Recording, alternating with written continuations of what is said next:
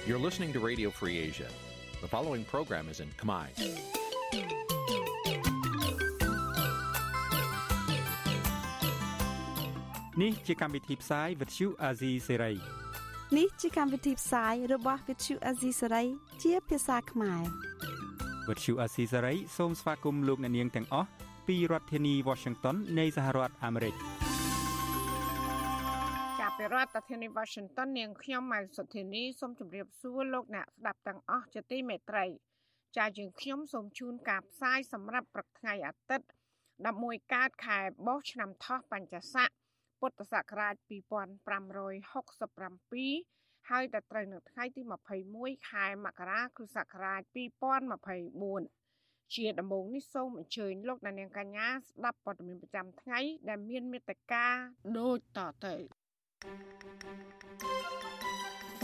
បរដ្ឋខ្មែរមួយកាំងនៅរដ្ឋមីនីសូតាជួបជុំគ្នាធ្វើបាតកម្មប្រឆាំងការពង្រីកអធិបុលគណបកកណ្ដាលអំណាចនៅសហរដ្ឋអាមេរិក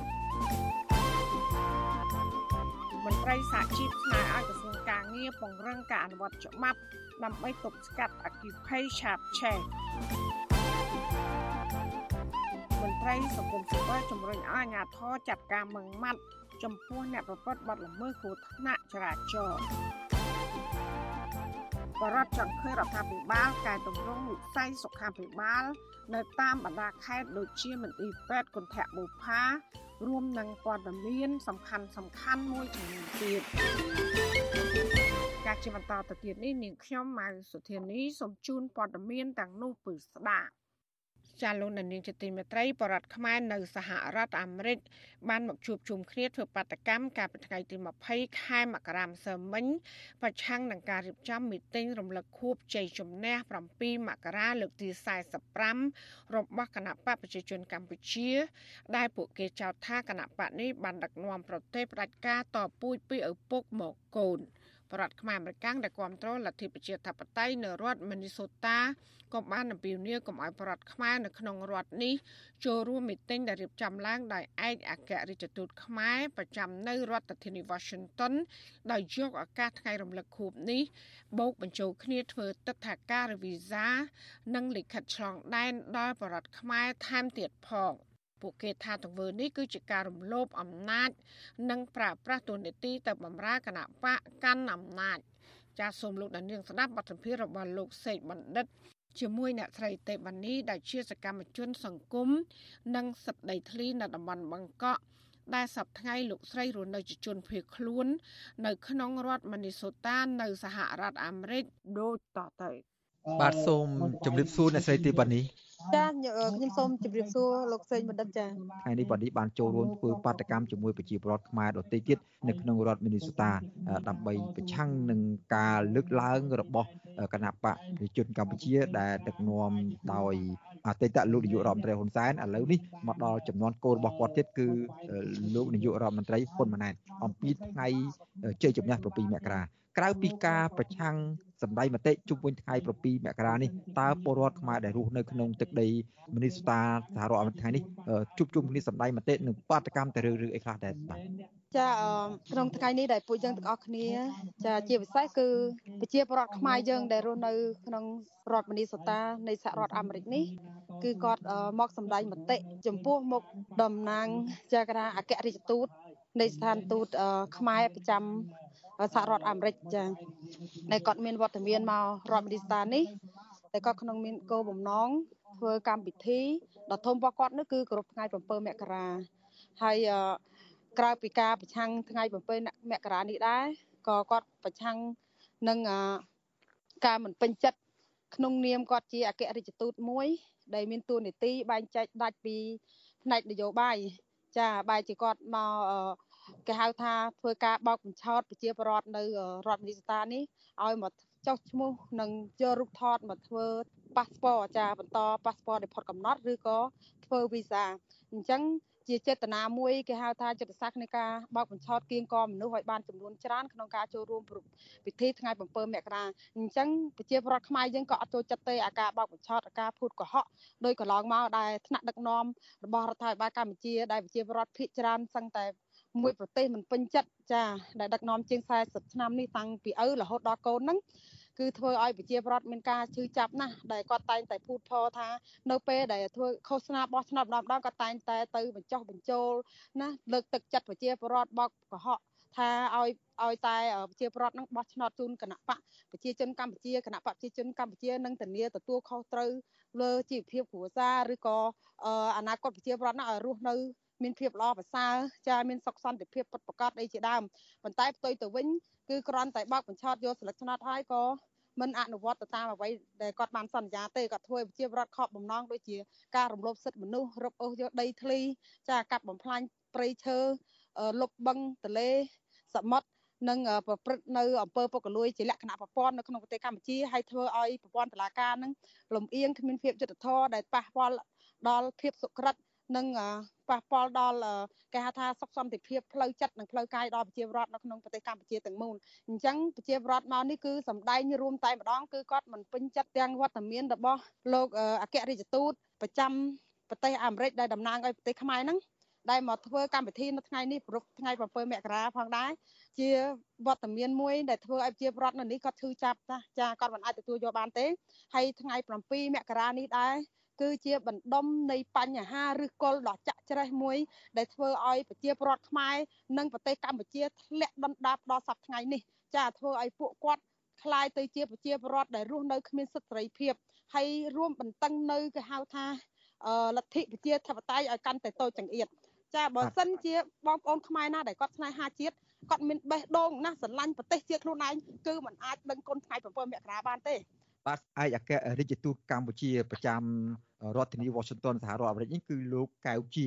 អ្នកស្រីទីប៉ានីក្រៅពីពលរដ្ឋដែលរស់នៅរដ្ឋមីនីសូតានេះតើមានពលរដ្ឋនៅរដ្ឋផ្សេងចូលរួមដែរទេនៅថ្ងៃនេះបាទចាខ្ញុំសូមជម្រាបនៅចំណុច នៅសំណួររបស់លោកសេងបណ្ឌិតនេះដែរគឺថាដោយសារតែករណីដែលយើងដឹងព័ត៌មាននេះវាមិនតាន់រយៈពេលខ្លីអញ្ចឹងហើយការផ្សព្វផ្សាយព័ត៌មានទៅដល់បងប្អូននៅក្នុងសហរដ្ឋអាមេរិក នៅក្នុងរដ្ឋមនីសតាក៏ដូចក្នុងរដ្ឋផ្សេងផ្សេងហ្នឹងគឺយើងមានរយៈពេលខ្លីមែនតើអញ្ចឹងអ្នកខ្លះក៏គាត់មានការសោកស្ដាយដែរគាត់ដែលមិនអាចបានមកចូលរួមចាដោយសារគាត់មិនមិនមិនទាន់បានសុំច្បាប់ការងារឬក៏អ្នកខ្លះទៀតគាត់នៅរដ្ឋឆ្ងាយឆ្ងាយដែលគាត់មិនអាចមកទាន់អញ្ចឹងចាអញ្ចឹងគឺថានៅពេលនេះទោះបីជាយ៉ាងណាក៏ដោយតក់កុហលយ៉ាងណាក៏ដោយពេលវេលាដែលយើងប្រកាសព័ត៌មាននេះខ្លីយ៉ាងណាក៏ដោយក៏មានបងប្អូនចូលរួមប្រហែលជាជាង30នាក់ជិត40នាក់ដែរចា បាទអរគុណចំណុចមួយទៀតចង់ដឹងថាតើអាចជោគជ័យទេនៅពេលដែលឯកអគ្គរដ្ឋទូតខ្មែរប្រចាំនៅរដ្ឋធានី Washington សហរដ្ឋអាមេរិកនេះយកឱកាសប្រពៃមីទីងរំលឹកថ្ងៃជ័យជំនះ7មករាដែលយកការងារមួយគឺការធ្វើវីសាឬមួយក៏ពន្យាឬមួយក៏ធ្វើប៉ាសពតថ្មី ជូនដល់ពលរដ្ឋដែលជាជនភៀសខ្លួនអ្នកដែលមកធ្វើការបដោះអាសន្ននៅទឹកដីសហរដ្ឋអាមេរិកនេះមានភាពចាំបាច់ខ្លាំងទេដែលធ្វើឲ្យពួកគាត់នឹងទោះបីជាមិនចង់ចូលរួមនៅមីទីង7មករានេះប៉ុន្តែពួកគាត់ត្រូវបង្ខំចិត្តចូលរួមដើម្បីបានវីសាបានការពជាវីសាបន្តវីសាបានទិដ្ឋាការបានប៉ាសពតថ្មីនោះបាទ ចាបើសម្រាប់ការយល់ឃើញរបស់ខ្ញុំខ្ញុំគិតថាករណីដែលអគ្គរដ្ឋទូតលោកកៅជាអាចារ្យដែលគាត់ប្រកាសចាគៀងកប្រជាពលរដ្ឋនៅសហរដ្ឋអាមេរិកជាពិសេសគឺនៅរដ្ឋអាមេរិកស្តាដែលធ្វើវីសានិងប៉ាសពតឲ្យពួកគាត់នេះគឺថាអឺពិតវាវាវាពិតជាមានការអឺត្រូវការរបស់ប្រជាពលរដ្ឋខ្មែរមែនព្រោះអ្នកខ្លះគាត់ចង់បានដែរដែលគាត់នៅនេះព្រោះគាត់ថា expire passport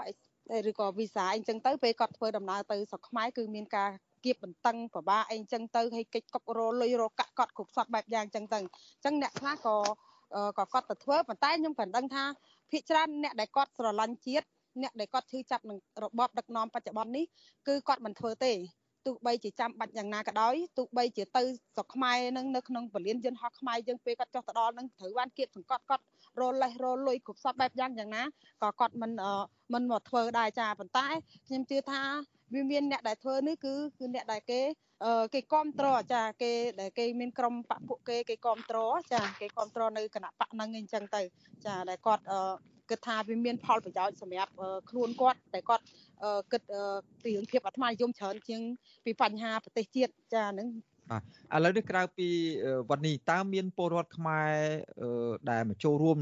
បាតកម្មសម្ដែងមតិនៅថ្ងៃនេះដែរមានអ្នកផ្សេងទៀតអាចចង់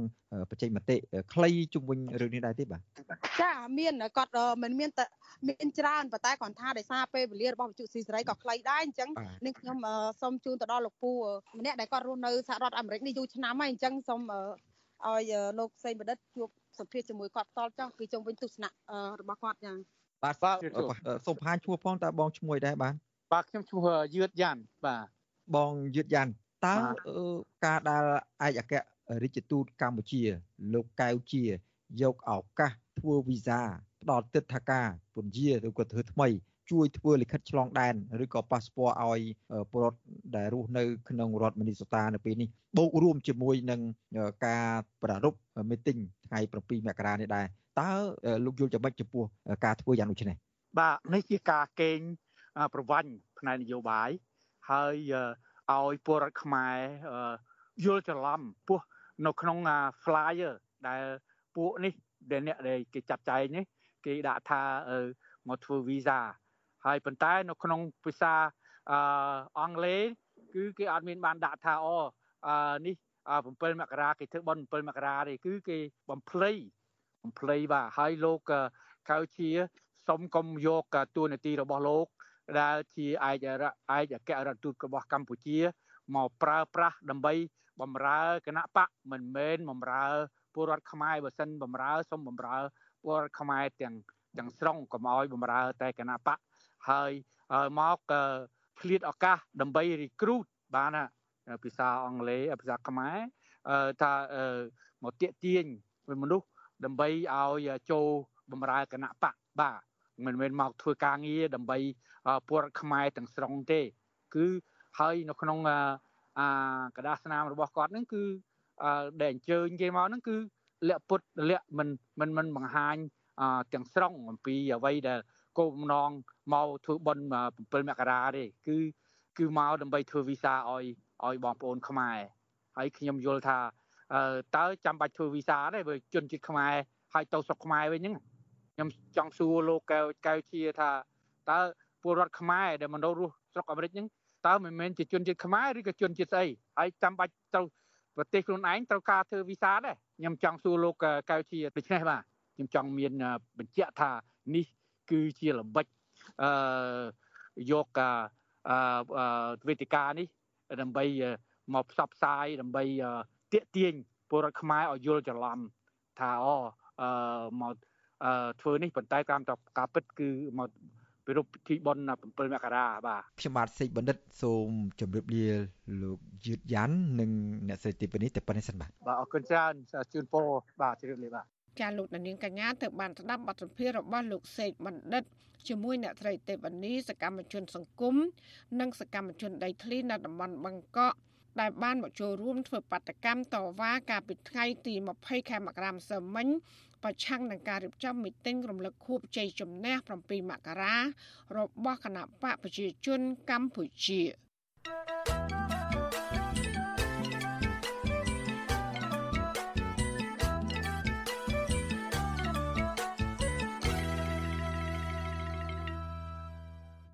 ចាលោកនានីជាទីមេត្រីអ្នកខ្លំមើលនឹងថាជីពថាលោកហ៊ុនម៉ាណែត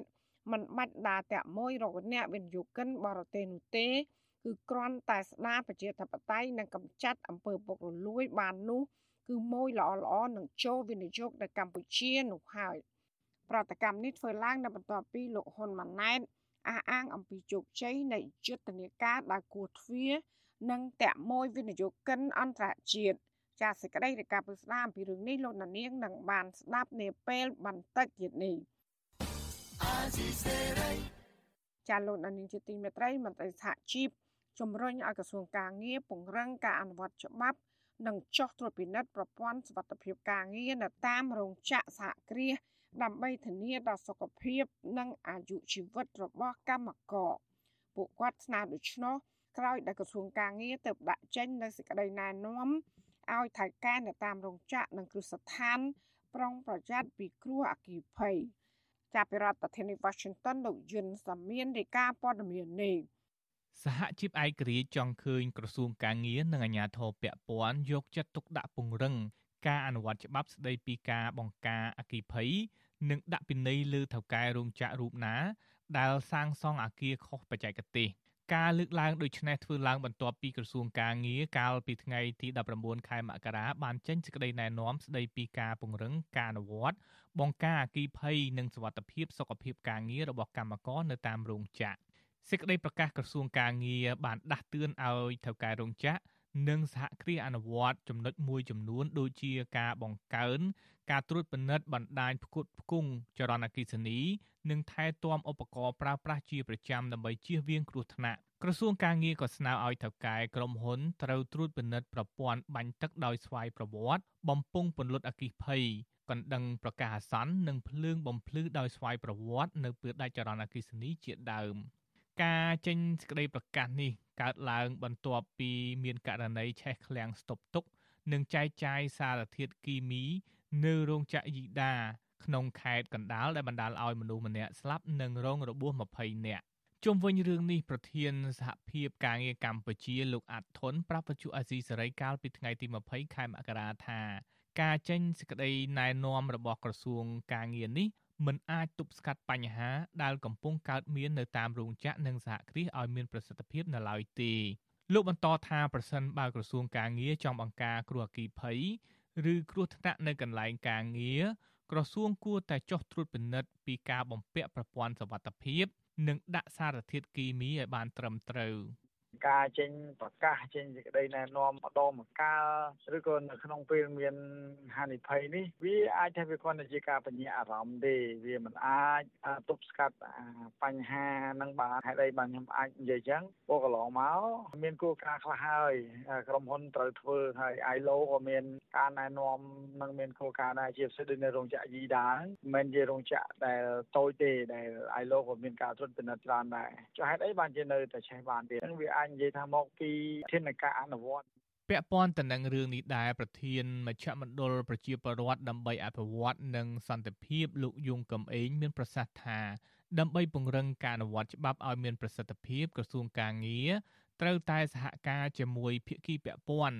និងពន្លឿនការធ្វើការងាររបស់ខ្លួនដើម្បីឆ្លើយតបទៅនឹងបញ្ហាប្រឈមទាំងឡាយណាដែលកំពុងកើតមាន។ ធីដែលមានប្រសិទ្ធភាពហ្នឹងគឺវិធីបកាវិធីដែលចោះទៅត្រួតពិនិត្យពីប្រព័ន្ធសុខភាពនៅដោយផ្ទាល់ហើយបើថាខ្វះខាតគឺត្រូវតែមានការបំពាក់ប្រព័ន្ធសុខភាពឲ្យផ្សេងផ្សេងឬក៏ការរៀបចំផែនការដើម្បីធ្វើយ៉ាងណាឲ្យមានសុខភាពផែនការសុខភាពសម្រាប់កម្មករនឹងប្រហែលជាវានឹងមានប្រសិទ្ធភាពកាន់តែខ្លាំងណាបាទកន្លងទៅមានករណីឆ្លងចរន្តអគ្គិសនីដែលធ្វើឲ្យឆេះរោងចក្រនិងកាស៊ីណូជាបន្តបន្ទាប់ គឺដោយសារតែការធ្វេសប្រហែសរបស់ថៅកែក្រុមហ៊ុន ដោយពុំមានការដាក់ប្រព័ន្ធការពារសុវត្ថិភាពព្រមទាំងអាជ្ញាធរយឺតយ៉ាវក្នុងការជួយសង្គ្រោះដែលបណ្ដាលឲ្យមានមនុស្សស្លាប់ និងរងរបួសជាច្រើនអ្នកខ្ញុំយុនសាមៀនវិទ្យុអាស៊ីសេរីប្រធានាធិបតី Washington ចាលោកអ្នកស្ដាប់យុតិមេត្រីមន្ត្រីសង្គមស៊ីវិលស្នើដល់រដ្ឋាភិបាលឲ្យចាត់វិធានការច្បាប់បន្ថែមទៀតបើសិនបើរកឃើញករណីមន្ត្រីប្រព្រឹត្តបទល្មើស និងប្រព្រឹត្តអំពើពុករលួយ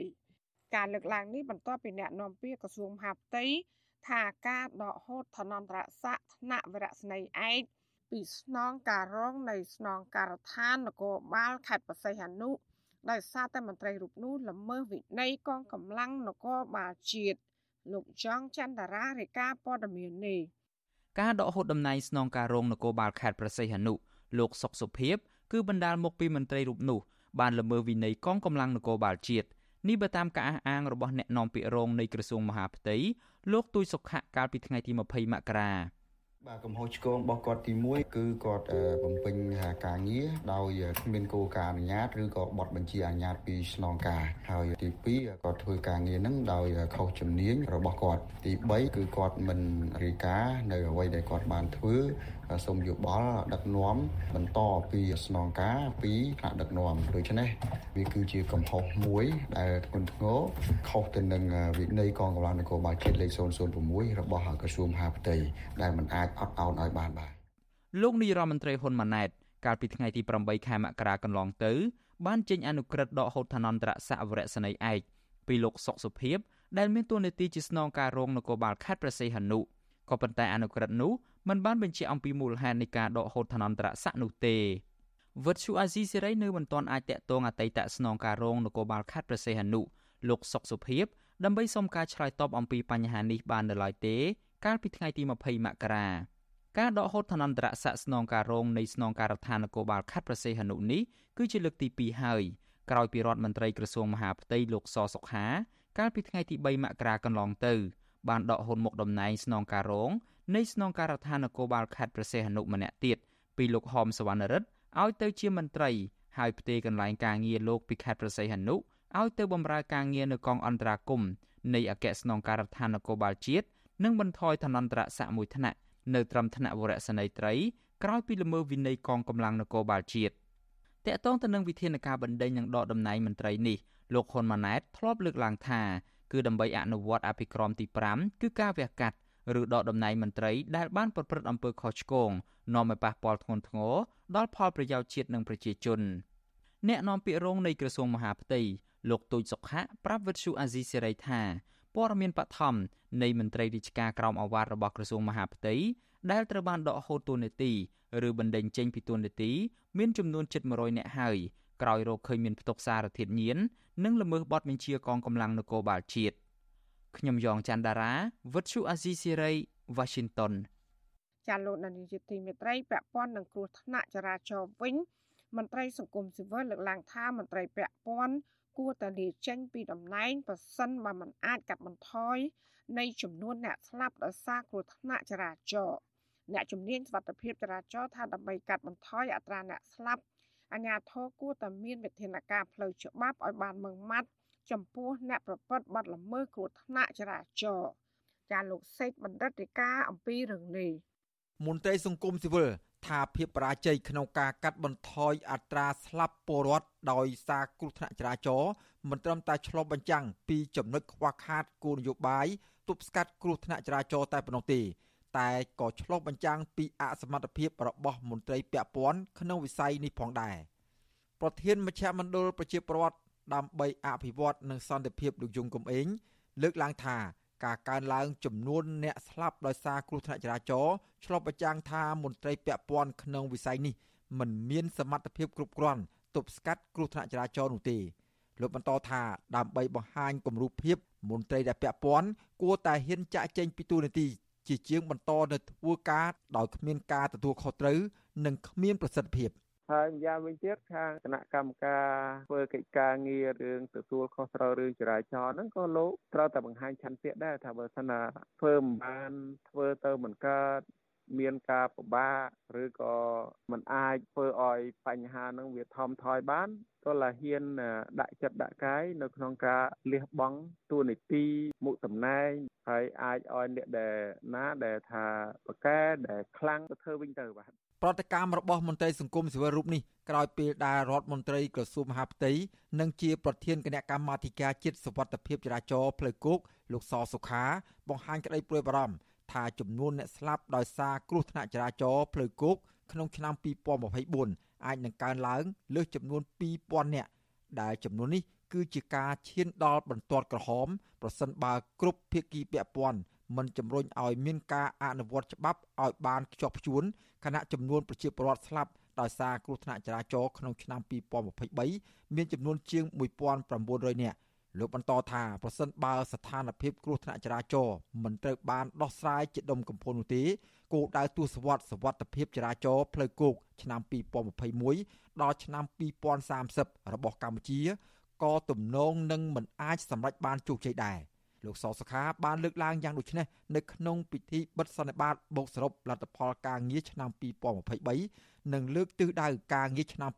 2024របស់រដ្ឋាភិបាលខេត្តរតនគិរី កាលពីថ្ងៃទី18ខែមករាឆ្នាំ2024រដ្ឋមន្ត្រីក្រសួងសាធារណការនិងដឹកជញ្ជូនលោកពេងពូនីធ្លាប់លើកឡើងកាលពីខែកញ្ញាឆ្នាំ2023ថាគ្រោះថ្នាក់ចរាចរណ៍ជាបញ្ហាសុខភាពសាធារណៈដែលទាមទារឲ្យមានការដោះស្រាយជាបន្ទាន់ខណៈកម្ពុជាខាតបង់ថវិកាជាតិប្រមាណជាង400លានដុល្លារអាមេរិកក្នុងមួយឆ្នាំដោយមិនទាន់គិតពីផលវិបាកសង្គមនានាជាច្រើនទៀតជុំវិញរឿងនេះ អ្នកជំនាញផ្នែកសុវត្ថិភាពចរាចរណ៍លោកគង់រតនៈមានប្រសាសន៍ថាដើម្បីកាត់បន្ថយចំនួនអ្នកស្លាប់ដោយសារគ្រោះថ្នាក់ចរាចរណ៍ឲ្យមានប្រសិទ្ធភាពរដ្ឋាភិបាលគួរមានយុទ្ធនាការ3ចំណុចជាបន្ទាន់ទី1គឺត្រូវអនុវត្តច្បាប់ចរាចរណ៍ឲ្យមានប្រសិទ្ធភាពត្រូវមានវិធានការច្បាប់ទៅលើមន្ត្រីដែលប្រព្រឹត្តអំពើពុករលួយ ទី2ត្រូវដាក់បញ្ចូលមេរៀនច្បាប់ចរាចរណ៍ទៅក្នុងវិស័យអប់រំតាំងពីថ្នាក់មូលដ្ឋាន និងទី3 ត្រូវជំរុញឲ្យអ្នកបើកបរយានយន្តគ្រប់ប្រភេទរៀនអំពីច្បាប់ចរាចរណ៍មុននឹងបើកបរនៅលើផ្លូវសាធារណៈពាក់ព័ន្ធជាមួយនឹងបញ្ហាកម្លាភាពមានន័យថាមន្ត្រីមួយចំនួននោះគាត់នៅតែឆ្លៀតបកើនចំណូលរបស់គាត់តាមរយៈការដែលអនុវត្តច្បាប់មិនលើសឬក៏ខ្វះដោយមិនទៅតាមច្បាប់កំណត់អញ្ចឹងមានន័យថាការអនុវត្តច្បាប់ដែលมันមានតម្លាភាពទូទៅហ្នឹងគឺធ្វើឲ្យមានប្រហោងចន្លោះ អ្នកដែលគាត់មានអំណាចមានលុយអីទៅគាត់អាចថាមិនគ្រប់ច្បាប់អាហ្នឹងគឺជាខ្សោយមួយទៀតដែលបាទខ្ញុំបានមើលឃើញអ្នកតាមដានបញ្ហាសង្គមលើកឡើងថាមូលហេតុដែលធ្វើឲ្យមន្ត្រីពាក់ព័ន្ធមិនអាចផ្លាស់ប្ដូរអេរយាប័តអ្នកបើកបរលើសល្បឿនកំណត់ បើកបរក្រោមអធិពលស្រវឹងឬគ្រឿងញៀននោះគឺជាមូលហេតុចម្បង ដែលបង្កឲ្យមានគ្រោះថ្នាក់ចរាចរណ៍គឺដោយសារតែសមត្ថកិច្ចភ ieck ច្រើនតែងតែប្រព្រឹត្តអំពើពុករលួយ អ្នកតាមដានបញ្ហាសង្គមអះអាងថាមន្ត្រីពង្រឹងច្បាប់ចរាចរណ៍នៅតាមដងផ្លូវភ ieck ច្រើនតែងតែយកតួនាទីពង្រឹងច្បាប់ចរាចរណ៍ធ្វើជាអាជីវកម្មផ្ទាល់ខ្លួន តាមរយៈការទទួលយកលុយក្រៅផ្លូវការជាជាងផាកពិន័យឬអនុវត្តច្បាប់ឲ្យបានត្រឹមត្រូវទៅលើអ្នកបើកបរខុសច្បាប់ទាំងនោះខ្ញុំបាទសេកបណ្ឌិតវិទ្យុអាស៊ីសេរីពីរដ្ឋធានីវ៉ាស៊ីនតោន ចាលោកដានីលជាទីមេត្រីកម្មវិធី podcast កម្ពុជាសប្តាហ៍នេះរបស់វិទ្យុអសីស្រី គឺមានចេញផ្សាយនៅរៀងរាល់ព្រឹកថ្ងៃសៅរ៍នៃសប្តាហ៍នីមួយៗមកនៅកម្ពុជា សូមប្រិយមិត្តស្វែងរកនិងស្ដាប់ podcast របស់យើងនេះនៅលើកម្មវិធី podcast របស់ Apple, Google និង Spotify ដោយគ្រាន់តែសរសេរពាក្យថាកម្ពុជាសប្តាហ៍នេះឬ Cambodia this week នៅក្នុងប្រអប់ស្វែងរក ចាយើងក៏នឹងចាប់ផ្សាយ podcast នេះឡើងវិញ នៅក្នុងការផ្សាយរបស់យើងផ្ទាល់តាមបណ្ដាញសង្គម Facebook YouTube និង Telegram នៅរៀងរាល់យប់ថ្ងៃច័ន្ទចាសសូមអរគុណ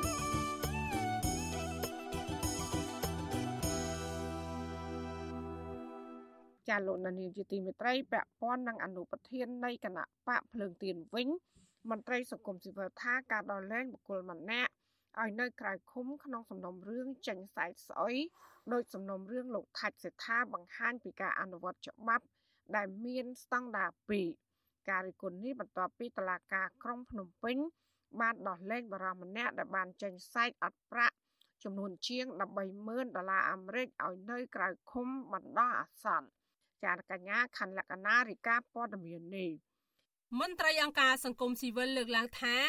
ការកាត់ទោសអនុប្រធានគណៈបកភ្លើងទៀនលោកថាស៊ីថាឲ្យជាប់ពន្ធនាគារនិងការដោះលែងបុរសម្នាក់ឲ្យនៅក្រៅឃុំក្នុងសំណុំរឿងចេញសាយស្អុយដូចគ្នានេះបង្ហាញឲ្យឃើញពីការអនុវត្តច្បាប់នៅកម្ពុជាមានស្តង់ដារ2កាលពីថ្ងៃទី19មករាប្រព័ន្ធឃោសនារបស់រដ្ឋាភិបាល Fresh News ផ្សាយថាចៅក្រមស៊ើបសួរសាលាដំបងរាជធានីភ្នំពេញលោកទឹកសុធីបូរឆាត សម្រាប់ដោះលែងបុរសម្នាក់ឈ្មោះម៉នម៉ាប់ដែលតំណាងអัยការលោកសេងហៀងចោតប្រកាន់ពីបទមិនបំពេញកាតព្វកិច្ចចំពោះឧបករណ៍ដែលអាចជួញដូរបាន ឬចេញសាយស្អុយទំហំទឹកប្រាក់ជាង130,000ដុល្លារឲ្យនៅក្រៅឃុំបណ្ដោះអាសន្នបន្ទាប់ពីសមត្ថកិច្ចឃាត់ខ្លួនកាលពីថ្ងៃទី12មករាឆ្នាំ2024ប៉ុន្តែអនុប្រធានគណៈបកភ្លើងទៀនលោកថៃសិដ្ឋាវិញ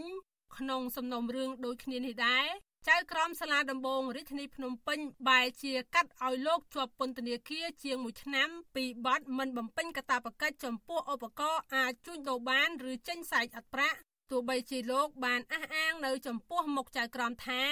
មិនបានចេញសាច់អត់ប្រាក់ដោយការចោទប្រកាន់ក៏ដោយក្រៅពីកាត់ទោសហើយតុលាការបង្គាប់ឲ្យលោកថៃសិដ្ឋាសងសំណងរដ្ឋបវេនី ទៅដើមបណ្ដឹងប្រមាណ30000ដុល្លារនិងសងជំងឺចិត្តដល់ដើមបណ្ដឹងរដ្ឋបវេនីដដែលចំនួន5លានរៀលរួមទាំងបង្គាប់ឲ្យលោកថៃសិដ្ឋាបង់ប្រាក់ពិន័យចូលរដ្ឋចំនួន3លានរៀលបន្ថែមទៀតវត្តជូអាស៊ីសេរីមិនអាចសុំការអធិប្បាយពីអ្នកនាំពាក្យសាលាដំបងរាជធានីភ្នំពេញលោកអ៊ីរិន ជុំវិញរឿងតឡាការដោះលែងបុរសម្នាក់ឲ្យនៅក្រៅឃុំក្នុងសំណុំរឿងចេញសៃស្អុយដែលមានទំហំទឹកប្រាក់ច្រើនជាងសំណុំរឿងអនុប្រធានគណៈបកភ្លើងទៀនលោកថៃស៊ីថាបានទេនៅថ្ងៃទី20មករាដោយទូរស័ព្ទចូលគ្មានអ្នកទទួលប្រធានអង្គការសម្ព័ន្ធភាពការពារសិទ្ធិមនុស្សកម្ពុជាហៅកាត់ថាច្រាក់លោករស់សុថាប្រាប់វិសុអាស៊ីសេរីនៅថ្ងៃទី20មករាថាករណីលោកថៃស៊ីថាជារឿងនយោបាយ ពីព្រោះបើមិនពាក់ព័ន្ធនឹងរឿងនយោបាយទេលោកអាចត្រូវបានដោះលែងឲ្យនៅក្រៅឃុំឬអាចរួចផុតពីបទចោទថែមទៀតករណីលោកថៃស៊ីថាមិនពាក់ព័ន្ធទៅលើឥទ្ធិពលនយោបាយទេប្រហែលជាគាត់ត្រូវបានដោះលែងដោះឲ្យរួចទោសផងនោះវាមែនតើនៅទស្សនៈខ្ញុំណាហើយណាក៏បានដាក់នៅក្រៅឃុំតាមសំណើរបស់លោកថៃសិដ្ឋាដែរនឹងដោយសារថាលោកថៃសិដ្ឋាហ្នឹងក៏បាន ធានាអះអាងនឹងរំកល់ប្រាក់ឬក៏សងប្រាក់អីវិញទៅហើយអាហ្នឹងគឺថាជាការសំលមមហើយហើយហ្នឹងគឺតឡាការគួរតែពិនិត្យវិច័យរឿងហ្នឹងឡើងវិញព្រោះថាបើមិនចឹងទេអាហ្នឹងបញ្ហាហ្នឹងវានៅលើគោកណាធ្វើឲ្យរិះមើលឃើញអំពីប្រព័ន្ធយុទ្ធធរនៅក្នុងស្រុកខ្មែរហ្នឹងដែលមិនជាទីសង្ឃឹមរបស់ប្រជារាស្ត្រហ្នឹង នាយកទទួលបន្ទុកកិច្ចការទូតទៅនៃអង្គការសិទ្ធិមនុស្សលីកាដូលោកអំសំអាតប្រាប់វិសុអាស៊ីសេរីនៅថ្ងៃទី20មករាថាការសម្រេចនេះគឺជាឆន្ទានុសិទ្ធិរបស់ចៅក្រមឬព្រះរាជអាជ្ញាបើទោះបីជាប្រភេទនៃបទល្មើសប្រហាក់ប្រហែលគ្នាប៉ុន្តែដោយសារតែលោកថាច់ស៊ីថាជាអនុប្រធានគណៈបកភ្លើងទៀននិងជាគណៈបកប្រឆាំងចំណែកបុគ្គលដែលមានសំណុំរឿងប្រហាក់ប្រហែលលោកថាច់ស៊ីថា ប៉ុន្តែបែរជាមិនត្រូវបានឃុំខ្លួននិងអនុញ្ញាតឲ្យនៅក្រៅឃុំនោះអាចមកពីបុគ្គលរូបនោះមិនមែនជាអ្នកនយោបាយចំណុចនេះយើងឃើញជាទស្សនវិជ្ជាទូទៅនៅក្នុងសង្គមគេមើលទៅគេថាវាជាការអនុវត្តដែលមានស្តង់ដារ2ហើយដែលមានការលើកឡើងថាការចោទប្រកាន់និងការឃុំខ្លួននិងការកាត់ទោសលោកថៃសិដ្ឋាកន្លងមកហ្នឹងគឺជារឿងនយោបាយច្រើនជាងការអនុវត្តច្បាប់ណានឹងជាទស្សនវិជ្ជា ដែលធ្វើឲ្យមានការរិះគន់នៅក្នុងសង្គមបាទលោកថៃសិដ្ឋាជាប្រធានសមាគមខ្មែរកម្ពុជាក្រោមនិងជាអនុប្រធានគណៈបកភ្លើងទៀនត្រូវបានសមត្ថកិច្ចចាប់ខ្លួនកាលពីខែមករាឆ្នាំ2023ការចាប់ខ្លួននេះធ្វើឡើងតាមបណ្ដឹងរបស់ក្រុមហ៊ុនរុនឆៃដែលបានប្តឹងលោកបន្ទាប់ពីលោកថៃសិដ្ឋាបានខ្ចីប្រាក់ ពីក្រុមហ៊ុនមួយនេះចំនួន20,000ដុល្លារកាលពីអំឡុងឆ្នាំ2011និងឆ្នាំ2012ប៉ុន្តែបើតាមមេធាវីការពីក្តីឲ្យលោកថៃស៊ីថាអះអាងថាប្រាក់ដែលកូនក្តីរបស់លោកជំពាក់ក្រុមហ៊ុនរិនឆាយនៅសល់តែ5000ដុល្លារតែប៉ុណ្ណោះរបាយការណ៍របស់ក្រសួងពាណិជ្ជកម្មក្រុមហ៊ុនរិនឆាយនេះបានចុះបញ្ជីពាណិជ្ជកម្មជាផ្លូវការនៅក្រសួងពាណិជ្ជកម្មកាលពីខែតុលាឆ្នាំ2015 ម្ចាស់ក្រុមហ៊ុនរិនឆាយលោកហៃវ៉ាន់រិនត្រូវបានគេដឹងថាជាមនុស្សដែលស្និទ្ធនឹងគណបកប្រជាជនកម្ពុជា និងគ្រួសារលោកហ៊ុនសែនខ្ញុំខណ្ឌលក្ខណាវុទ្ធុអាស៊ីសេរីលោកណានៀងជាទីមេត្រីស្របពេលការបោះឆ្នោតប្រសិទ្ធភាពកាន់តែខិតជិតមកដល់គណៈបកចន្ទៈខ្មែរបានតែងតាំងថ្នាក់ដឹកនាំកម្ពុជាកម្ពុជាដែលភាកច្រើនមកពីគណៈបកភ្លើងទៀន ថ្នាក់ដឹកនាំទាំងនោះរួមមានបណ្ឌិតសុកហាជប្រធានគណៈបកលោកហុងសុខហួរលោកសុនឆៃនិងលោកសេងម៉ារ៉ាឌីជាអនុប្រធានគណៈបកលោកគង់មុនកាគឺជាអគ្គលេខាធិការបន្ថែមពីនេះអង្គសមាជវិសាមញ្ញគណៈបកឆន្ទៈខ្មែរដែលមានអ្នកចូលរួមប្រមាណ200នាក់នៅក្នុងរាជធានីភ្នំពេញកាលពីថ្ងៃទី20ខែមករាម្សិលមិញ ក៏បានសម្រេចជ្រើសតាំងសមាជិកគណៈកម្មាធិការនយោបាយចំនួន32នាក់និងកែប្រែលក្ខន្តិកៈរបស់គណៈបកមួយចំនួនទៀតផងប្រធានក្រុមប្រឹក្សាវិន័យគណៈបកចន្ទៈខ្មែរដែលទើបត្រូវបានជ្រើសតាំងពេលថ្មីថ្មីនេះគឺលោកកឹមសុភិរិទ្ធ ប្រាប់បច្ចុប្បន្នស៊ីស្រីកាលពីថ្ងៃទី20ខែមករាថាការជ្រើសតាំងថ្នាក់ដឹកនាំថ្មីរបស់គណៈបកឆន្ទៈខ្មែរនេះហើយដែលភាគច្រើនគឺជាអតីតថ្នាក់ដឹកនាំគណៈបកភ្លើងទៀនគឺជាការបញ្ជាក់ចំហថាគណៈបកឆន្ទៈខ្មែរមិនបានលំអៀងទៅរកភាគីណាមួយឡើយលោកបន្ថែមថាការផ្លាស់ប្ដូរថ្នាក់ដឹកនាំថ្មីនេះក៏ជាការរៀបចំរចនាសម្ព័ន្ធគណៈបកឆន្ទៈខ្មែរឡើងវិញ ដើម្បីត្រៀមខ្លួនចូលរួមប្រកួតការបោះឆ្នោតប្រសិទ្ធភាពនិងក្រុមប្រឹក្សាខេត្តក្រុងស្រុកខណ្ឌនៅពេលខាងមុខកន្លងមកយើងចេះថាអគណៈបកនឹងរបស់គេអីរបស់គេឥឡូវយើងឃើញហើយការជ្រើសគណៈថ្នាក់ដឹកនាំថ្មីហ្នឹងគឺបង្ហាញឲ្យឃើញថាសិតតែថ្នាក់ដឹកនាំដែលចាក់ចេញពីភ្លើងទៀនទៅឈរធ្វើជាថ្នាក់ដឹកនាំនៅក្នុងគណៈបកឆន្ទៈខ្មែរអញ្ចឹងទេភ្លើងទៀននឹងហើយនឹងឆន្ទៈនឹងគឺ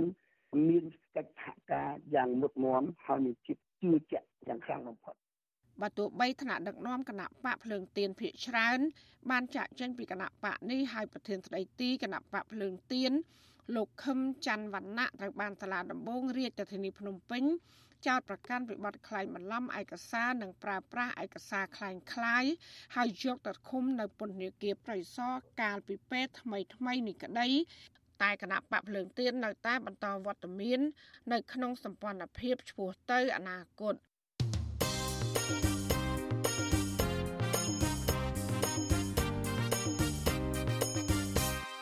ចាលោកនាងកញ្ញាកំពុងស្ដាប់ការផ្សាយរបស់វិទ្យុអសីស្រីផ្សាយចេញពីរដ្ឋធានី Washington នៅឯខេត្តបាត់ដំបងឯនោះវិញមន្ត្រីបកភ្លើងទៀននៅក្នុងខេត្តនេះអះអាងថាមន្ត្រីបកកណ្ដាលអំណាចដើរសូកប៉ាន់ ដោយសន្យាផ្ដល់ទួនាទីនិងលុយកាក់ដល់អង្គបោះឆ្នោតដែលជាសមាជិកក្រុមប្រឹក្សាឃុំសង្កាត់មកពីគណៈបកភ្លើងទៀនឲ្យចុះចូលនិងបោះឆ្នោតឲ្យគណៈបកប្រជាជនកម្ពុជានៅពេលខាងមុខប៉ុន្តែអាញាធរបកកណ្ដាលអំណាចចរានចោលចំពោះការចោលប្រកាន់នេះចាលោកច័ន្ទរោរាយការណ៍ព័ត៌មាននេះមន្ត្រីគណៈបកភ្លឹងទៀនចាត់ទុកមន្ត្រីគណៈបកប្រជាជនកម្ពុជាមួយចំនួន កំពុងប្រើឧបាយកលអាក្រក់ ដើរអូសទាញក្រុមប្រឹក្សាឃុំសង្កាត់ពួកគេឲ្យចុះចូលជាមួយគណៈបកកណ្ដាលអំណាច ថាកំពុងរំលោភច្បាប់ ដែលធ្វើឲ្យការបោះឆ្នោតប្រសិទ្ធភាពអាណត្តិទី5នឹងប្រព្រឹត្តទៅកាន់តែអាប់អួរថែមទៀតប្រធានប្រតិបត្តិគណៈបកភ្លើងទៀនខេត្តបាត់ដំបងលោកភូសវណ្ណថាប្រវត្តិអាស៊ីសេរីថាក្រុមការងារគណៈបកប្រជាជនកម្ពុជា បានធ្វើសកម្មភាពដាក់សម្ពាធលើសមាជិករបស់លោកនៅតាមមូលដ្ឋានជាបន្តបន្ទាប់ ដោយតាក់ទងតាមទូរស័ព្ទឬហៅជួបដោយផ្ទាល់ជាដើម លោកឲ្យដឹងថា ពួកគេធ្វើសកម្មភាពមុនរដូវកាលឃោសនាបោះឆ្នោត ជាពិសេសសន្យាផ្ដល់ទូនេតិ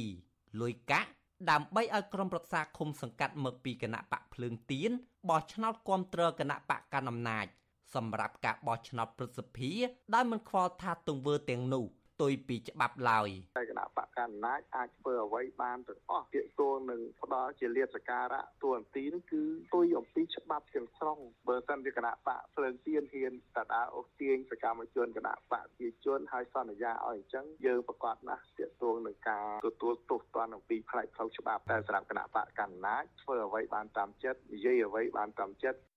ការលើកឡើងរបស់មន្ត្រីគណៈបកភ្លើងទៀនដូចនេះ បន្ទាប់ពីសារសម្លេងមន្ត្រីគណៈបកកណ្ដាលអំណាចនិយាយឆ្លើយឆ្លងគ្នារយៈពេល8នាទីដែលវត្ថុអសីស្រីទទួលបាននោះគឺពួកគេណែនាំឲ្យមន្ត្រីថ្នាក់ក្រោមព្យាយាមប្រើវិធីអូសទាញក្រុមប្រឹក្សាឃុំសង្កាត់មកពីគណៈបកភ្លើងទៀនឲ្យចុះចូលជាមួយគណៈបកកណ្ដាលអំណាចដោយអះអាងថាលោកហ៊ុនសែននឹងថ្នាក់ដឹកនាំខេត្តនឹងផ្ដល់លុយកាក់រក្សាមុខតំណែងនៅដដែលនិងចែកដីធ្លីឲ្យថែមទៀត ប៉ុន្តែពួកគេដាក់លក្ខខណ្ឌឲ្យក្រុមប្រឹក្សាមកពីគណៈបកភ្លើងទៀនដែលបានចុះចូលត្រូវរក្សាការសម្ងាត់រហូតអ្នកទាំងនោះបោះឆ្នោតជ្រើសរើសសមាជិកព្រឹទ្ធសភាក្រុមប្រឹក្សាខេត្តក្រុងស្រុកឲ្យគណៈបកប្រជាជនកម្ពុជារួចហើយ ទើបអាចប្រកាសផ្ដាច់ខ្លួនតាមក្រោយជាយាមនិយាយមួយគាត់ទៀតអីបាទជាមួយគាត់ហើយជាមួយអាមុំកូនភាសាគាត់អីជាយាមនិយាយទៅពួកការងារនេះគឺច្បាស់លាស់ពិតប្រកបពីមិនចំគាត់បារម្ភខ្លាចអត់មានមុខនីតិទូតំណែងគឺនៅរដូវដែលដំធាននិយាយចឹងអីពីយាមបញ្យល់គាត់ទៅហើយវាប៉ុណ្្នឹងដីធ្លីផ្ទះហ្នឹងជួយចវាយខេតហ្នឹងគឺឯកឧទានស្នើឲ្យឬដីប៉ុណ្្នឹងមិនបារម្ភទេតែខេតក៏ដាក់ឲ្យស្នើក៏បានដែរបាទហើយវាចប់ផ្សេងផ្សេងហ្នឹងសម្ដេចទៅមកគាត់ដែរបាទចឹងអីឆ្លើយតបរឿងនេះចៅសង្កាត់ប្រែកព្រះស្ដាច់ លោកថោសម្រិទ្ធប្រាប់ប្រជាអសីស្រីថាលោកមិនបានដឹងរឿងសារសម្លេងអូសទាញឬទិញក្រុមប្រឹក្សាសង្កាត់មកពីគណៈបកភ្លើងទៀននោះទេ លោកអះអាងថាថ្នាក់ដឹកនាំគណៈបកកណ្ដាលអំណាចចុះជួបជាមួយអង្គបោះឆ្នោតកន្លងមកពុំដែលសន្យាដោះដូរនឹងការផ្ដល់ទូនីតិ ឬលុយកាក់ឡើយការគៀកបោះឆ្នោតជាការឃោសនាវាជារឿងធម្មតាតែសំខាន់តើសម័យខ្លួននេះព្រមព្រមនឹងរឿងសម័យខ្លួនអញ្ចឹងណាវាអត់មានពាក់ព័ន្ធនឹងនយោបាយនយោអីវាជាការឃោសនាយើងតើយើងព្រមព្រមយើងព្រមអត់អានឹងវាមានការទិញទឹកចិត្តអីហ្នឹងជាការឃោសនាដូចជាបោះឆ្នោតឃោសនាធម្មតាទោះជាយ៉ាងណាចៅសង្កាត់រងទី2មកពីគណៈបកភ្លើងទៀនលោកអ៊ូសរឿនបញ្ជាក់ថា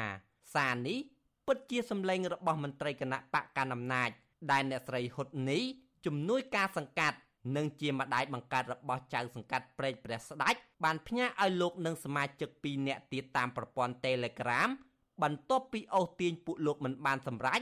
កាលពីពេលថ្មីថ្មីនេះជុំវិញរឿងនេះមន្ត្រីសម្របសម្រួលផ្នែកអង្គការនៃអង្គការឃ្លាំមើលការបោះឆ្នោតហៅកាត់ថា Confrel លោកកងសវាងមានប្រសាសន៍ថា សកម្មភាពឃោសនាឬការបញ្ចុះបញ្ចូលអង្គបោះឆ្នោតឲ្យគ្រប់គ្រងគណៈបកមួយ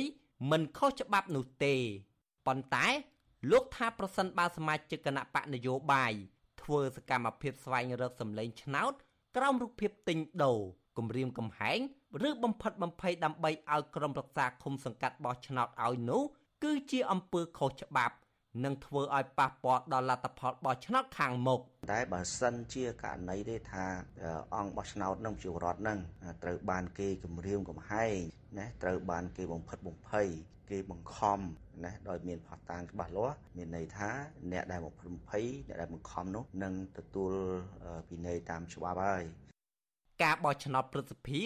នឹងប្រព្រឹត្តទៅនៅថ្ងៃទី25ខែកុម្ភៈដោយមានគណៈបកចំនួន4ចូលរួម គឺគណៈបកប្រជាជនកម្ពុជាគណៈបកឆន្ទៈខ្មែរគណៈបកកម្លាំងជាតិនិងគណៈបកហ៊ុនស៊ិនប៉ាច់គណៈបកភ្លើងទៀនកាលពីថ្ងៃទី15ខែមករាបានអំពាវនាវឲ្យអាជ្ញាធរគណៈបកកណ្ដាលអំណាចបញ្ឈប់ការចាប់ខ្លួន ការឃុំខ្លួន ការគំរាមកំហែងធ្វើទុកបុកម្នេញគ្រប់រូបភាពលើថ្នាក់ដឹកនាំសមាជិកនិងសកម្មជនគណៈបកនេះដើម្បីធានាបរិយាកាសល្អប្រសើរ សម្រាប់ការបោះឆ្នោតជ្រើសរើសសមាជិកព្រឹទ្ធសភាអាណត្តិទី5ការបោះឆ្នោតជ្រើសរើសក្រុមប្រឹក្សារាជធានីខេត្តក្រុង ស្រុកខណ្ឌអាណត្តិទី4ខាងមុខឲ្យប្រព្រឹត្តទៅដោយសេរី ត្រឹមត្រូវនិងយុត្តិធម៌ខ្ញុំបាទច័ន្ទដារោវុទ្ធុអាស៊ីសេរីចាលោកនានីជាទីមេត្រីតកតងនឹងវិស័យសុខាភិបាលបរដ្ឋលើកឡើងថាសេវាកម្មនិងគុណភាពនៅមណ្ឌលសុខភាព ឬក៏មន្ទីរពេទ្យតាមបណ្ដាខេត្តมันមានគុណភាពល្អទៅពួកគាត់ធ្វើដំណើរមកព្យាបាលជំងឺនៅឯមន្ទីរពេទ្យគន្ធបុប្ផាមន្ត្រីសង្គមស៊ីវិលថារដ្ឋាភិបាល គួរតែបង្ហាញឆន្ទៈពិតប្រាកដដើម្បីលើកកម្ពស់វិស័យសុខាភិបាលនៅតាមបណ្ដាខេត្តដែលពលរដ្ឋកំពុងត្រូវការចាសសេចក្តីរាយការណ៍ពិស្ដារអំពីរឿងនេះលោកណានៀងក៏នឹងបានស្ដាប់នាពេលបន្តិចទៀតនេះ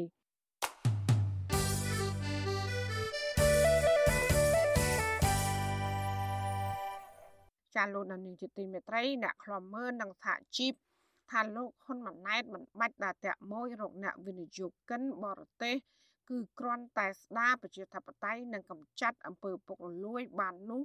មួយល្អល្អនឹងចូលមកវិនិយោគនៅកម្ពុជាហើយប្រតិកម្មនេះធ្វើឡើងនៅបន្ទាប់ពីលោកហ៊ុនម៉ាណែតអះអាងអំពីភាពជោគជ័យនៃយុទ្ធនាការដែលគោះទ្វារនិងតាក់មួយវិនិយោគិនអន្តរជាតិ ចាកញ្ញាខណ្ឌលក្ខណៈមានសេចក្តីរាយការណ៍ពុស្ដាជំវិញព័ត៌មាននេះដូចតទៅនាយករដ្ឋមន្ត្រីកម្ពុជាលោកហ៊ុនម៉ាណែតថ្លែងម្ដងហើយម្ដងទៀតអំពីការដើរតាក់ម៉ួយវិនិយោគអន្តរជាតិឲ្យទៅដាក់ទុនធ្វើជំនួយនៅប្រទេសកម្ពុជា ចាប់តាំងពីគាត់បានតំណែងនាយករដ្ឋមន្ត្រីដែលឪពុករបស់គាត់ផ្ទេរឲ្យកាលពីខែសីហាឆ្នាំ2023និងចុងក្រោយបង្អស់ លោកហ៊ុនម៉ាណែតបានថ្លែងអួតប្រាប់ពលរដ្ឋនៅអឺរ៉ុបតាក់ទងនឹងការជិះយន្តហោះទៅតាក់ម៉ួយនេះបន្ថែមនឹងឃ្លាដើរគោះទ្វារទៀតនេះហើយបានជាការធ្វើដំណើរ10ម៉ោងជាង15ម៉ោងមកទីនេះហើយដាក់ពេលវេលាជាប់គ្នាទាំងអស់គឺភារកិច្ចតែមួយ គឺធ្វើយ៉ាងណាដើម្បីគោះទ្វារដើម្បីចាប់ដៃដើម្បីបង្ហាញ ទាំងថ្នាក់ដឹកនាំនយោបាយអង្គការក៏ដូចជាធុរកិច្ចនៅលើពិភពលោកអំពីកម្ពុជាហើយបបួលគេទៅតែម្ដងហៅថាដើរតាក់មួយថ្លែងចេញពីទីក្រុងប៉ារីសប្រទេសបារាំងក្នុងជំនួបសំណេះសំណាលជាមួយសហគមន៍ខ្មែររស់នៅអឺរ៉ុបកាលពីថ្ងៃទី14មករាលោកហ៊ុនម៉ាណែតនាយករដ្ឋមន្ត្រីនៃកម្ពុជាបានលើកឡើងថាវត្តមានរបស់លោកនៅអឺរ៉ុបរយៈពេល6ថ្ងៃនេះ ទាំងនៅប្រទេសបារាំងនិងក្នុងវេទិកាសេដ្ឋកិច្ចពិភពលោក លើកទី54នៅទីក្រុង Davos ប្រទេសស្វីសមានកម្មវិធីប្រជុំប្រមាណ40ហើយពេលខ្លះសំបីតែម៉ោងបាយក៏ត្រូវធ្វើឡើងនៅលើយន្តហោះផងដែរអនុប្រធានសហជីព Nagavel កញ្ញាឈឹមសុខនប្រាវិសុអាស៊ីសេរីនៅថ្ងៃទី20មករាថាយុទ្ធនាការដើរគោះទ្វារតាក់ម៉ួយរបស់លោកហ៊ុនម៉ាណែតមិនបានផលទេ មិនអាចតាក់ទាញបានអ្នកវិនិយោគអន្តរជាតិល្អៗទៅកម្ពុជាឡើយពីព្រោះតែកំសោយនៃការអនុវត្តច្បាប់អំពើពុករលួយខ្លាំងពេកព្រមទាំងការមិនគោរពសិទ្ធិកម្មករគឺសំបីតែវិវាទនាការវើដ៏រ៉ាំរ៉ៃរាប់ឆ្នាំនៅចំពោះមុខរដ្ឋាភិបាលមិនព្រមដោះស្រាយផងគេមិនហ៊ានយកលុយគេទាំងលៀនទាំងលៀនខ្ញុំមកបដាក់ទុនចោលអូនមើលឃើញអាបញ្ហាច្បាប់ទម្លាប់អីហ្នឹងវាអត់មានសវត្ថភាពសម្រាប់គេ វាអត់ច្បាស់លាស់ហើយមានអំពើពុករលួយច្រើនស្នើឲ្យតគាត់នឹងរៀបចំលក្ខខណ្ឌការងារឲ្យបានត្រឹមត្រូវកុំឲ្យមានការរំលោភសិទ្ធិអីអញ្ចឹងការពារកម្មករអីអញ្ចឹងទៅ អ្នកវិនិយោគគេគេតាក់ទាញមកខ្លួនឯងហើយព្រោះគេចង់តែរកស៊ីទេយ៉ាងណាអ្នកនាំពាក្យរដ្ឋាភិបាលកម្ពុជាលោកប៉ែនបូណាបាននិយាយថា គឺជាជោគជ័យ ដែលលោកហ៊ុនម៉ាណែតបានដើរលើកំរាលព្រំក្រហម និងត្រឹមតែមានវត្តមានជួបជាមួយអ្នកវិនិយោគអន្តរជាតិរីឯអ្នកនាំពាក្យរដ្ឋាភិបាលមួយរូបទៀតគឺលោកតាន់សង់ប្រងស្វ័រដែលជារដ្ឋមន្ត្រីប្រតិភូអមនាយករដ្ឋមន្ត្រី បានថ្លែងក្នុងសន្និសីទកាសែតនៅថ្ងៃទី20មករាថា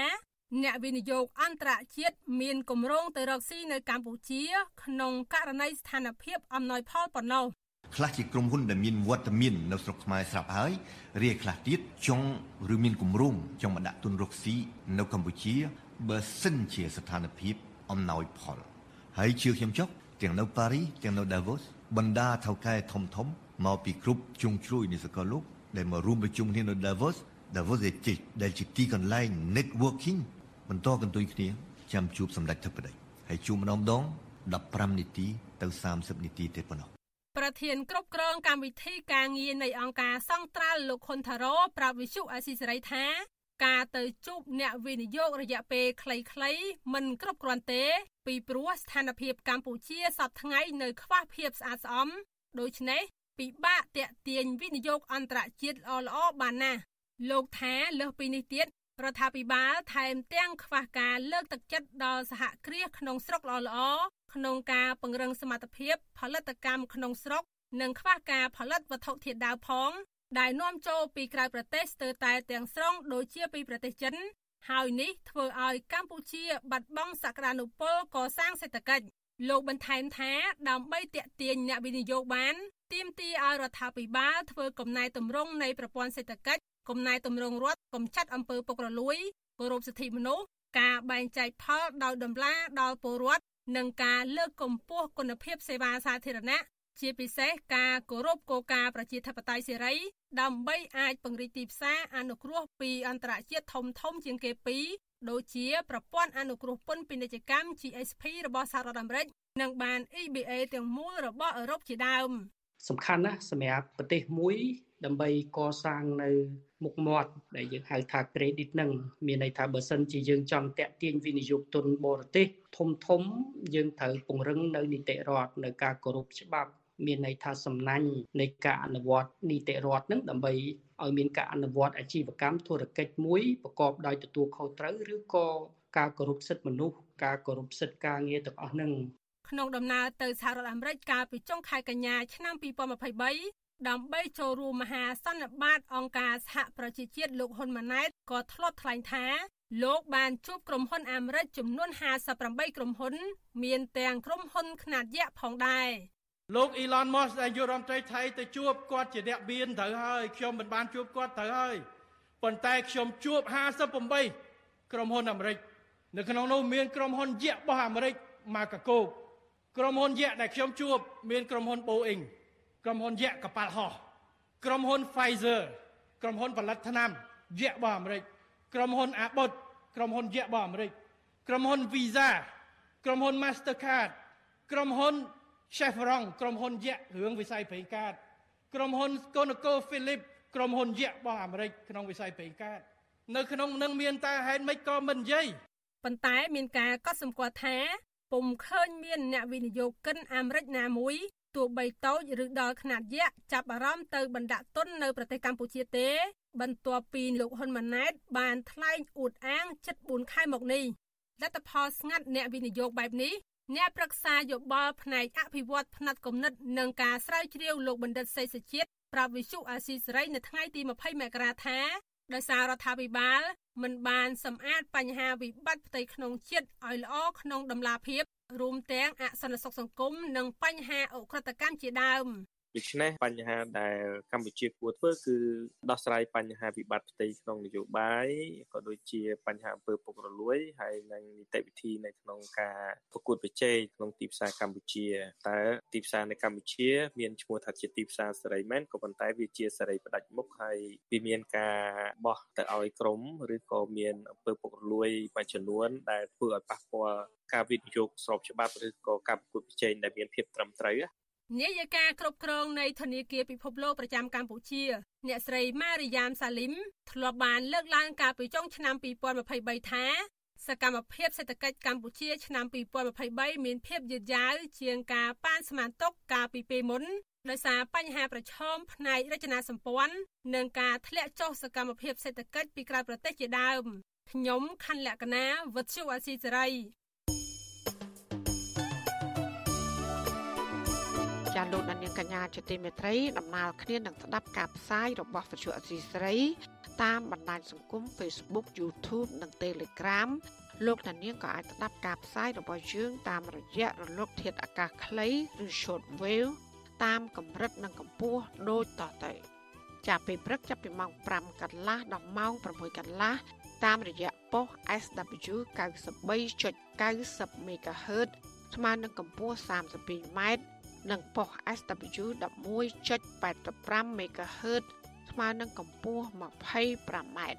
ចាសម្រាប់ពេលយប់វិញ គឺចាប់ពីម៉ោង7កន្លះដល់ម៉ោង8កន្លះគឺតាមរយៈប៉ុស SW 93.30 MHz ស្មើនឹងកម្ពស់ 32m ប៉ុស SW 11.88 MHz ស្មើនឹងកម្ពស់ 25m និងប៉ុស SW 15.15 MHz ស្មើនឹងកម្ពស់ 20m ចាសសូមអរគុណ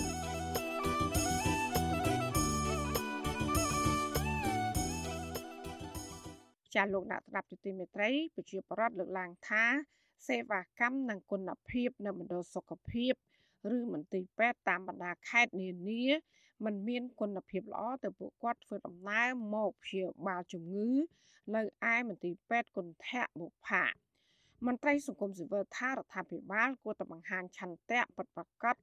ដើម្បីលើកកម្ពស់វិស័យសុខាភិបាលនៅតាមខេត្តដែលពលរដ្ឋកំពុងត្រូវការចានេះគឺជាសកម្មភាពពុស្ដារបស់លោកជាតិចំណានជំវិញព័ត៌មាននេះជារៀងរាល់ថ្ងៃឪពុកម្ដាយជាច្រើនអ្នកបាននាំកូនទៅព្យាបាលជំងឺនៅមន្ទីរពេទ្យគុណធៈបុផា ដោយសារតែមន្ទីរពេទ្យនេះទទួលព្យាបាលជំងឺដោយមិនយកប្រាក់ចំណែកការព្យាបាលវិញមានប្រសិទ្ធភាពជាងមន្ទីរពេទ្យរដ្ឋនិងឯកជនមួយចំនួនភាគច្រើនឪពុកម្ដាយដែលនាំកូនមកព្យាបាលជំងឺបានធ្វើដំណើរមកពីតាមបណ្ដាខេត្តដោយពួកគាត់ខ្លះជិះម៉ូតូខ្លះជិះកង់3និងខ្លះជិះរថយន្តឈ្នួលក៏មានមុននឹងគ្រូពេទ្យហៅកុមារព្យាបាលជំងឺឪពុកម្ដាយត្រូវចាប់លេខរងចាំខណៈកុមារតូចៗត្រែកយំអត់ដាច់ពលរដ្ឋមកពីខេត្តកំពង់ចាមលោកអែមវិចិត្រ ដែលរងចាំប្រពន្ធនិងកូននៅមុខមន្ទីរពេទ្យលើកឡើងថាកូនត្រីរបស់លោកចេះតែក្អួតដោយមិនដឹងពីមូលហេតុអស់រយៈពេលមួយអាទិត្យហើយជំងឺកូនត្រីរបស់លោកនៅតែមិនធូរស្បើយទោះបីជាលោកនាំកូនត្រីទៅព្យាបាលនៅមន្ទីរពេទ្យស្រុកកំណើតច្រើនកន្លែងក្តីលោកឯងវិចិត្រលើកឡើងថានេះមិនមែនជាលើកទី1នោះទេតែគ្រួសាររបស់លោកធ្វើដំណើរមករាជធានីភ្នំពេញដើម្បីព្យាបាលជំងឺលោកឯងវិចិត្រលើកឡើងថាគ្រួសាររបស់លោកមានទំនុកចិត្តលើពេទ្យរដ្ឋធំធំនៅរាជធានីភ្នំពេញ ដោយសារតែពេទ្យតាមមណ្ឌលឬពេទ្យបង្អែកខេត្តមិនមានឧបករណ៍គ្រប់គ្រាន់ហើយជួនកាលគ្រូពេទ្យបានរញ៉ាក់ជំងឺឲ្យទៅមន្ទីរពេទ្យផ្សេងទៀតដោយលើកហេតុផលថាពួកគាត់មិនមានលទ្ធភាពព្យាបាលយើងកក់ក្ដៅឲ្យថាបានមកពេទ្យហ្នឹងហើយតែបានដល់ពេទ្យធំអញ្ចឹងណាបាទកក់ក្ដៅជាងទៅជាងការយើងអាចហូបទៅជាអញ្ចឹងទៅតែប្រពេលយើងហូបទៅអត់ត្រូវយើងធ្ងន់កាន់យើងមកអញ្ចឹងណាបាទបាទយើងមកពេទ្យធំទៅហ្នឹងហើយបាទធ្លាប់មកតា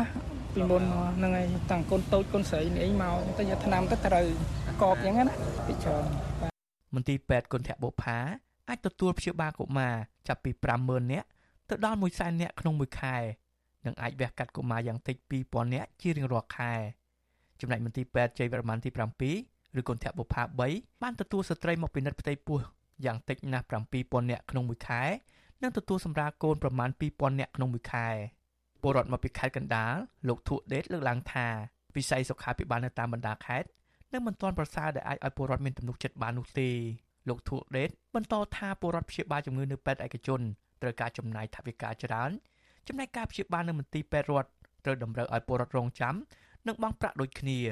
លោកធួដេតស្នើឲ្យរដ្ឋាភិបាលកែតម្រង់វិស័យសុខាភិបាលនៅតាមខេត្តនិងតំបន់ជនបទដើម្បីឲ្យពលរដ្ឋងាយស្រួលទៅព្យាបាល ព្រោះការព្យាបាលនៅភ្នំពេញធ្វើឲ្យពលរដ្ឋចំណាយថវិកានិងពេលវេលាអឺថាចង់មកពេទ្យប្រផាហ្នឹងវាសេវាកម្មឲ្យវាធូរថ្លៃអញ្ចឹងវាមិនសូវអស់ច្រើនអញ្ចឹងវាតាម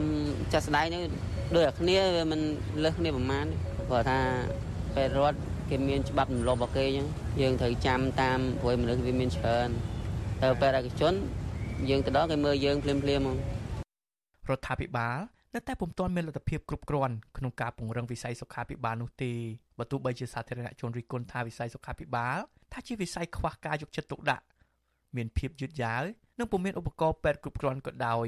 ជាក់ស្ដែងថាវិការដែលក្រុងចំណាយលើវិស័យសុខាភិបាលក្នុងឆ្នាំ2024មានការកើនឡើងចំនួនជាង60000លានរៀល